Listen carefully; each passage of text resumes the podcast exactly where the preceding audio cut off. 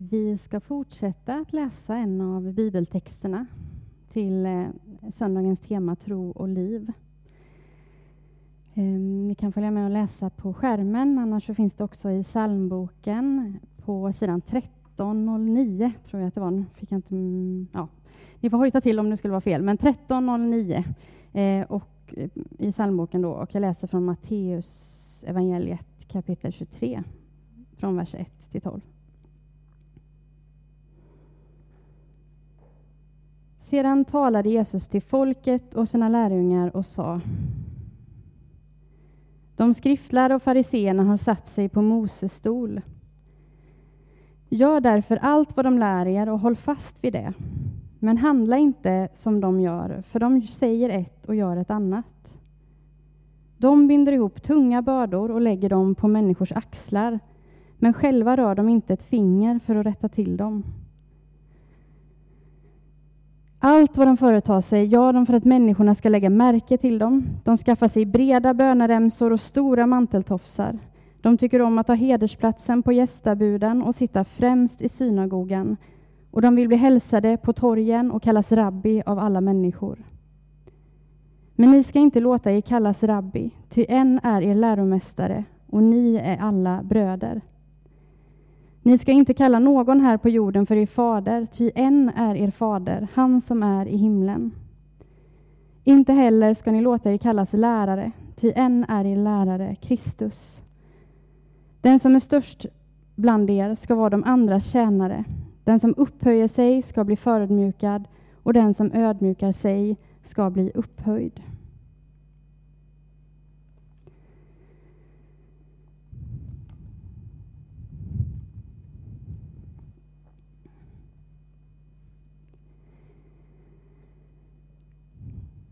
När Jesus talar här så talar han till sina lärjungar och till folket.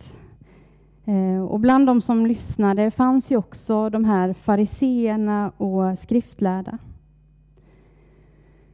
Och idag är ju temat tro och liv.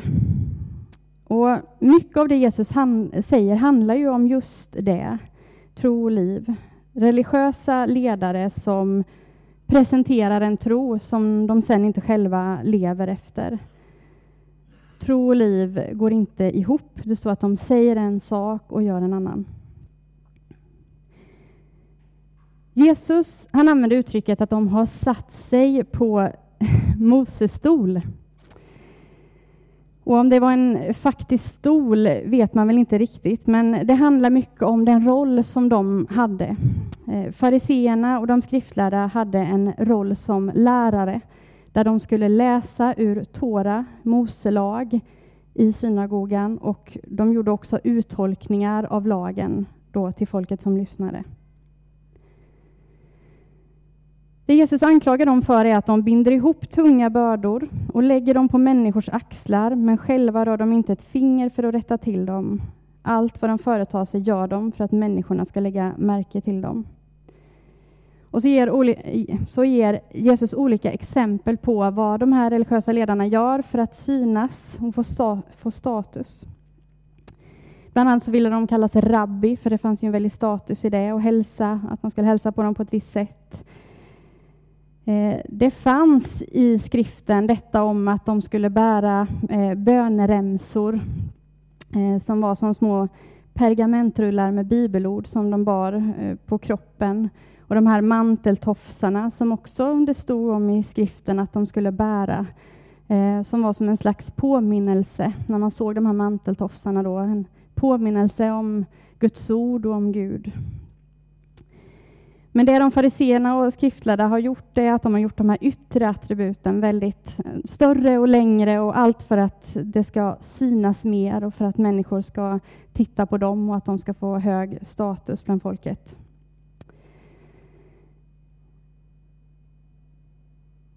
Men sen kritiserar ju Jesus också dem för att de hade ett ansvar att uttolka lagen till människor.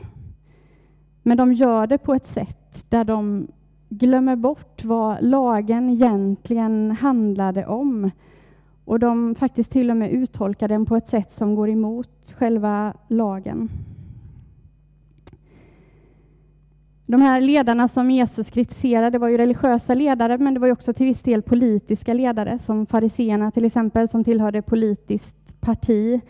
Eh, och Jesu kritik handlar ju om hur de här personerna, de missbrukar sin maktställning eh, till att vilseleda folket. Matteus han skriver till en i huvudsak kan man säga judekristen grupp, det vill säga människor som eh, kommit till tro på Jesus men som har en judisk bakgrund och förförståelse med sig. Och därför blir det här förhållandet till lagen viktigt hos Matteus. Hur ska man förhålla sig till lagen? I Matteus återges det väldigt tydligt, och Jesus säger det, att han inte har kommit för att upphäva lagen, utan för att fullborda lagen. Och man kan se flera exempel i Matteusevangeliet på hur Jesus inte slänger ut lagen, utan snarare skärper lagen ännu mer istället. Det står i en rad olika uppräkningar, men bland annat så kan man läsa att Jesus säger i Matteusevangeliet ni har hört att det blev sagt, du ska älska din nästa och hata din fiende. Men jag säger er, älska era fiender och be för dem som förföljer er. Och så i många olika exempel i Matteus så drar Jesus det liksom ett steg längre. Det kan vara lite förvirrande när man läser den här texten som vi läste, att Jesus å ena sidan säger att de ska lyssna på det som de här religiösa ledarna eh, läser och säger, ehm, men inte, inte lyssna till hur de lever och lär. Det Jesus menar är att de ska fortsätta lyssna på när skriften läses, för de läste ju även ur skriften, och det ska de fortsätta lyssna till, för där finns mycket Eh, och hämta vad gäller tro och liv. Däremot så ska de inte följa hur de här ledarna lever och inte heller kanske de uttolkningar som de gjorde av skriften. För de här uttolkningarna, eh, Jesus pratar ibland om Guds bud och människors lagar, eh, att de skapade liksom egna lagar utifrån Guds bud som de sen la som en börda på människor. Till och med säger Jesus i versen efter det vi läste. Ve er skriftlärda och fariseer, ni hycklare som stänger till himmelriket för människorna. Ni går inte själva in och de som vill komma dit in släpper ni inte in. Det är ju ganska hårda ord, att de stänger himmelriket, inte bara för sig själva utan för andra för att de lärde människorna att alla de här olika sakerna behövdes och krävdes för att komma nära Gud, vilket gjorde det omöjligt för de flesta att komma nära Gud.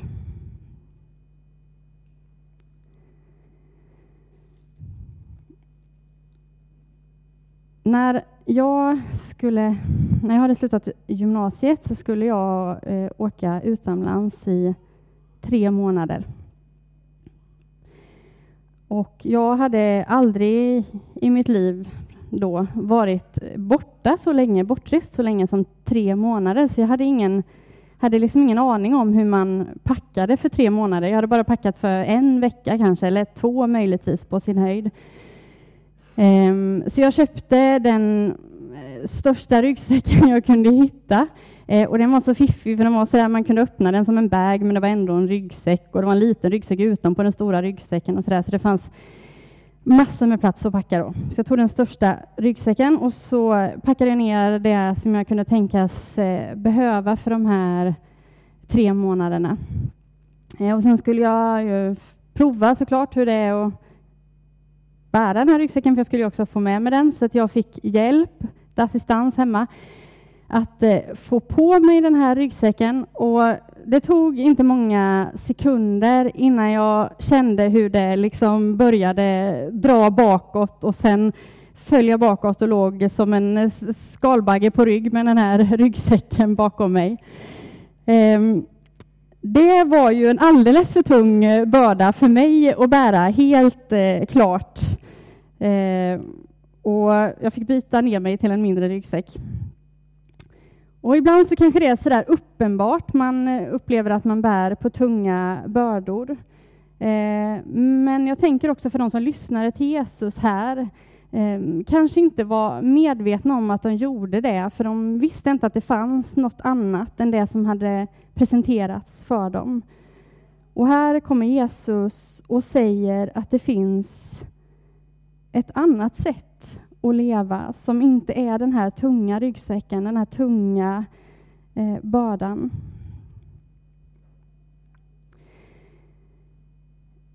Jesus får i, också i Matteusevangeliet frågan om vad som är det största budet, viktigaste budet i lagen.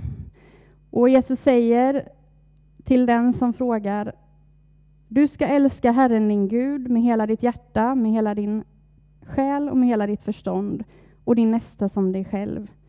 På dessa båda bud vilar hela lagen och profeterna, säger Jesus i Matteus 22.40, precis innan det som vi läste i början. Och här kommer Jesus till det som är kärnan till det som fariseerna och de skriftlärda tappat bort i hur de lär ut lagen. Att det som kommer först är kärleken till Gud och till min nästa och till mig själv. Att allt måste utgå från det. Om de vänder sig till sin nästa med lagar och regler och inte har kärlek så har de missat vad det handlar om. Det är som det står i första Korintierbrevet 13. Ehm, vissa verser därifrån har vi ju hört många gånger, kanske i samband med bröllop. Men i första Korintierbrevet 13 så står det om jag talar både människors och änglars språk men saknar kärlek är jag bara ekande brons, en skrällande symbol. Och ibland kanske man upplever det här med kärlek som något mesigt på något sätt, att det ska vara kärlek. Eh, vi ska älska Gud och vår nästa. Men det är absolut inget mesigt alls i den kärlek som Jesus presenterar i det liv som handlar om att älska sin nästa. Personligen kanske vi inte alltid har fiender på det sättet så att vi förstår hur radikalt det är som Jesus säger att kärleken ska sträcka sig så långt som att älska sina fiender. Det är säkert mycket även i kyrkans historia, eh, i bemötande på olika sätt som kunde sett annorlunda ut om det här kärleken till min nästa hade varit viktigare än att tala om om någon gjort rätt eller fel. Det innebär inte att det inte finns rätt och fel i hur vi handlar. Men Jesus menar att det kommer först. Kärleken till min nästa, barmhärtigheten, troheten till Gud.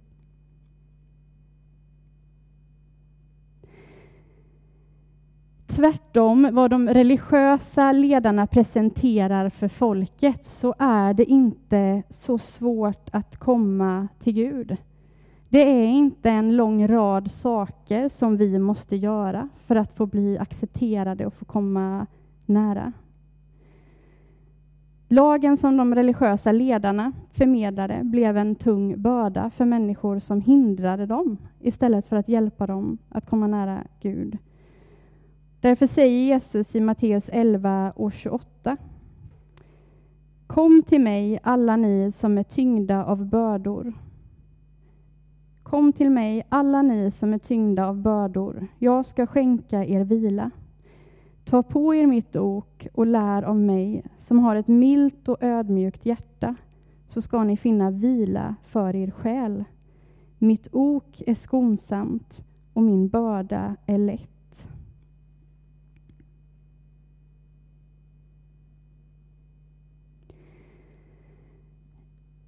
Vi kan bära bördor av vad vi tror krävs för att vara godkänd hos Gud.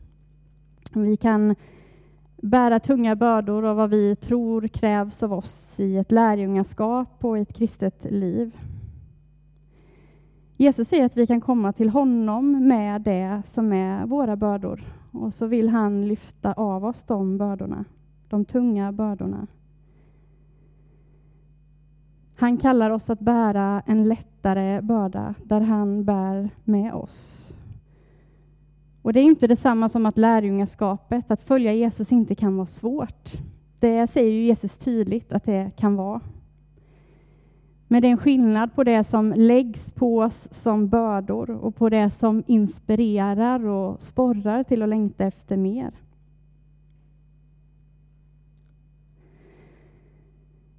Jesus han tillrättavisar de här lärda ledarna för att de lägger bördor på människor men sen inte hjälper dem att bära de här bördorna. För att de hindrar istället för att hjälpa människor att närma sig Gud.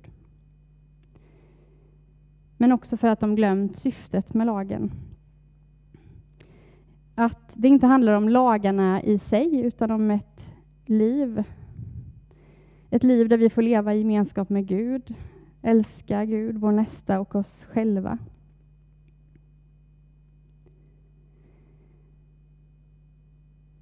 Men också om detta som kommer fram i den här texten i Matteus, att stå upp för den svage. Att istället för att lyfta fram oss själva sätta andra före sig själv. Och vi kanske kan vara rädda för de orden ibland, och inte minst i en kultur där man ibland har svårt att ens säga något eh, positivt om sig själv.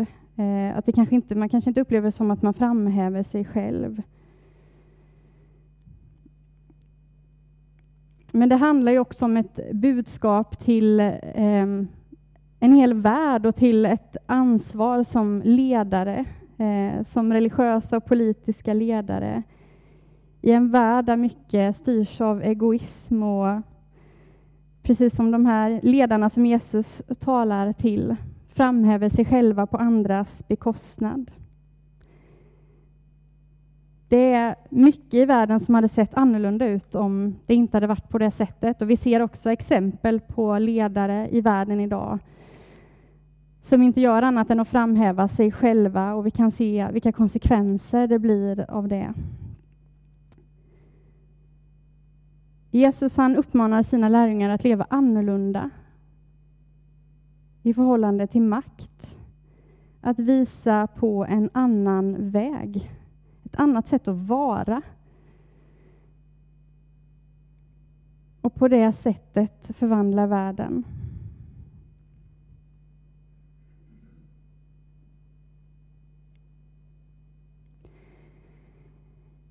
Jesus han upphäver inte lagen utan han fullbordar den. Och när de religiösa på Jesu tid avvisar Jesus så missar de vad lagen handlar om, för den handlar om Jesus.